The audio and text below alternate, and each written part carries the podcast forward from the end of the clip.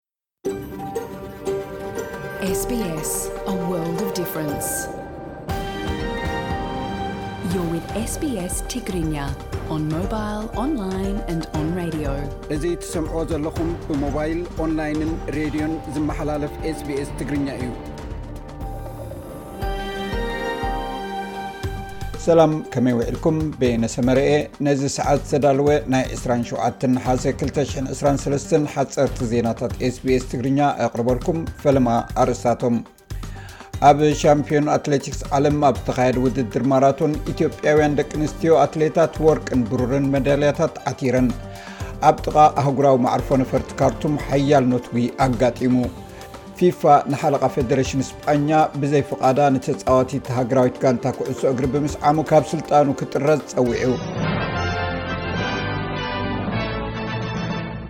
ኣብ ጥቓ ኣህጉራዊ ማዕርፎ ነፈርቲ ካርቱም ሓያል ነታጊ ስለ ዘጋጠመ ኣብ ብዙሕ ከባቢታት እታ ከተማ ዝርከብ ኣባይቲ ተነቓኒቖም እዚ ዝመፅእ ዘሎ ኣብ ርእሰ ከተማታ ሃገር ሓድሽ መጥቃዕትን ደብዳብ ነፈርትን ኣብ ዝካየደሉ ዘሎ እዋን እዩ ወተሃደራዊ ምንጪታት ንማዕከናት ዜና ኣብ ዝሃብዎ ሓበሬታ፣ እቲ ነትጒ ኣብ ውሽጢ መዓርፎ ነፈርቲ ካርቱም ኣብ ዝርከብ ናይ በረራታት ነዳድን ኮይኑ፣ እቲ ከባቢ ኣብ ትሕቲ ቁጽጽር ሓይልታት ፈጣን ሰራዊት ደገፍ ኣትዩ ዝርከብ እዩ። መንግስቲ ቀዳማይ ሚኒስተር በንያሚን ናታንያሁ ኣብ ሕጋዊ ኣካይዳ ለውጢ ክገብር ንዝኣመሞ ኣብ እስራኤል ዝግበር ዘሎ ተቓውሞታት ይቕጽል ኣሎ። ብዓሰርተታት ኣሽሓት ዝቑጸሩ እስራኤላውያን ትማሊ ጽሑፋትን ሰንደቕ ዕላማታት እስራኤልን ሒዞም ናብ ጎደናታት ቴልኣቪቭ ውሒዞም። እቲ ተቓውሞታት ካብቲ ሽሕን ትሽዓተ ሚእትን ኣርባዓን ሸሞንተን ሃገረ እስራኤል ዝኣወጀትሉ ግዜ ኣትሒዙ እቲ ዝዓበየ ምዃኑ ዝግለጽ ኮይኑ፣ ሕጂ እቲ ዝግበር ዘሎ ተቓውሞታት መበል ሰላሳን ኣርባዕተን ሰሙኑ ሒዙ ኣሎ። መንግስቲ ስጳኛ ነቲ ፊፋ ንሓለቓ ፈደረሽን ስጳኛ ሉዊስ ሩብለስ ብዘይፍቓድ ምስ ተጻዋቲት ኩዕሶ እግሪ ድሕሪ ምስዓሙ ክጥርዞ ዝወሰኖ ውሳኔ ከም ዝድግፍ ደጊሙ ኣፍሊጡ። ጸሓፊ ክፍሊ ስፖርት ስጳኛ ቪክቶር ፍራንሰስ፣ እቲ ፊፋ ኣብቲ ጉዳይ ኣውጺእዎ ዘሎ ውሳኔ ናይ መንግስቱ ውሳኔ ዘንጸባርቕ ምዃኑ ገሊጹ ኣሎ። ከም ዝፍለጥ ሩብለስ ኣብቲ ናይ ዋንጫ ምሃብ ስነ ስርዓት ኣብ ሲድኒ ንስጳኛዊት ናይ ማእከል ተጻዋቲት ሄርሞሶ ኣብ ከንፈራ ብምስዓሙ ብሶኒ ይቕሬታ ሓቲቱ ነይሩ እዩ። እቲ ፍጻሜ ኣብ ውሽጢ ስጳኛን ኣብ ወጻእን ቁጠዐ ኣለዓዒሉ፣ ሚኒስትራት መንግስትን ዝርከብዎም እቲ ናይ ስፐይን ኮሚሽነር ስፖርት ብዙሓት ሰባት ድማ ካብ ስልጣኑ ክወርድ ጠለብ ከቕርቡ ጸኒሖም እዮም። ኣብ ደቡብ ሲድኒ ክልተ ኣወዳት ዝቐተለ ናይ መኪና ሓደጋ፣ እቲ መራሒ መኪና ብፖሊስ ተኸሲሱ ብዓርቢ ዕስራን ሓሙሽተን ነሓሰ ብዛዕባ እቲ ሓደጋ ጸብጻብ ድሕሪ ምቕራቡ ናይ ህጹጽ ኣገልግሎታት ናብ ሞንትረይ ምስ በጽሑ እታ መኪና ኣብ ገረብ ተላጊዓ ጸኒሓቶም። ኣብ ጋቦን ዝተገብረ ምውሃብ ድምፂ ድሕሪ ዘጋጠመ ፀገም ጉዳይ ምውሃብ ድምፅን ነቑጣታት መድመፅን ውፅኢት ናይቲ ምርጫ ዛጊት ኣይተፈልጠን።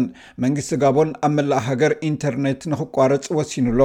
እቲ ብፀቢብ ተዓዊቱ ኣብ ስልጣን ዘሎ ወዲ 64 ዓመት ዓሊ ቦንጎ ኦንዲምባ ንሳልሳይ ግዜ እዩ ክምረጽ ዝወዳደር ዘሎ።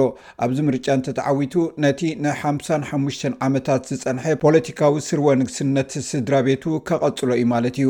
ንሱ ብዓሰርተ ሰለስተ ካልኦት ሕጹያት ብድሆ ዝቐርበሉ ዘሎ ኮይኑ፣ ገለ ካብቶም ቀንዲ በዳህቲ ሕጹያት ናይ ስነ ቁጠባ ፕሮፌሰር ከምኡውን ሚኒስተር ትምህርቲ ነበር ኣልበርት ኦንዶ ኦሳ እዩ። እቲ ምርጫ ከባቢ ሸሞንተ ሚእትን ኣርብዓን ሸውዓተን ሽሕ ሰባት ናይ ምምራጽ መሰል ዘለዎም ዘድመጹ ኮይኖም ብዘይ ኣህጉራውያን ተዓዘብትን ኣፍሪቃውያን ወይ ኣውሮጳውያን ከምኡውን ናይ ወጻኢ መራኸቢ ብዙሓን ኣብ ዘይብሉ እዩ እቲ ምርጫ ዝካየድ ዘሎ። ሚኒስተር ትራንስፖርት ኬንያ ኪፕቹምባ ሙርኮመን ብቐዳም ኣብ ኣህጉራዊ መዓርፎ ነፈርቲ ጆሞ ኬንያታ ብዘጋጠ ምቁራፅ ሓይሊ ኤሌክትሪክ ንዝተፀገሙ ተጓዓዝቲ ይቕሬታ ሓቲቱ። እቲ ሓይሊ ኤሌክትሪክ ኣብ ኣህጉራዊ መዓርፎ ነፈርቲ ጆሞ ኬንያታ ብዝሓለፈ ዓርቢ ንሰለስተ ሰዓትን ኣርብዓን ሓሙሽተን ደቓይቕ እዩ ጠፊኡ። በዓል መዚ መዓርፎ ነፈርቲ ኬንያ እቲ ተጠባባቒ ጀኔሬተር ሓይሊ ኤሌክትሪክ ምስ ጠፍአ ብቕፅበት ስራሕ ከም ዘጀመረ ኣፍሊጡ። ኣብ መወዳእታ ኣብ ርእሰ ከተማ ሃንጋሪ ቡዳፔስት ኣብ ዝካየድ ዘሎ ሻምፒዮን ኣትሌቲክስ ዓለም ኣብ ዝተካየደ ውድድር ማራቶን ኢትዮጵያውያን ደቂ ኣንስትዮ ኣትሌታት ወርቅን ብሩርን መደልያታት ዓቲረን ኣማኔ በሪሶ ኣብ ማራቶን ብ2 ሰዓትን 24 ደቂቕን 23 ካልኢትን ቀዳመይቲ ኮይና ውድድር ኣዛዚማ ጎተይቶም ገብረስላሴ ብ2 ሰዓትን 24 ደቃይቕን ሰላሳን ኣርባዕተን ካልኢታትን ካልኣይ ደረጃ ሒዛ። ካልእ ኢትዮጵያዊት ያለም ዘርፍ ነቲ ውድድር ብሓሙሻይ ደረጃ ዝዛዘመቶ ኮይና፣ ሞሮካዊት ፋጥማ ኤዛሃራን እስራኤላዊት ሎና ቻሚቲን ሳልሳይን ራብዓይን ደረጃ ሒዘን ውድድረን ዛዚመን። ጓል ሰላሳን ሓደን ዓመት ኣሜኔ ባሪሶ፣ ኢትዮጵያውያን ኣትሌታት ብሓባር ብምስራሕ ንኻልኦት ተቓዳደምቲ ነቲ ውድድር ኣጸጋሚ ከም ዝገበረኦ ገሊጻ።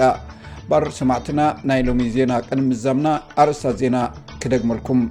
ኣብ ሻምፒዮን ኣትሌቲክስ ዓለም ኣብ ዝተኻየደ ውድድር ማራቶን ኢትዮጵያውያን ደቂ ኣንስትዮ ኣትሌታት ወርቅን ብሩርን መዳልያታት ዓቲረን ኣብ ጥቓ ኣህጉራዊ ማዕርፎ ነፈርቲ ካርቱም ሓያል መትጉ ኣጋጢሙ ፊፋ ንሓለቓ ፌደሬሽን እስጳኛ ሉዊስ ሩብለስ ብዘይ ፍቓዳ ንተፃዋቲ ሃገራዊት ጋንታ ክዕሶ እግሪ ብምስዓሙ ካብ ስልጣኑ ክጥረዝ ፀዊዑ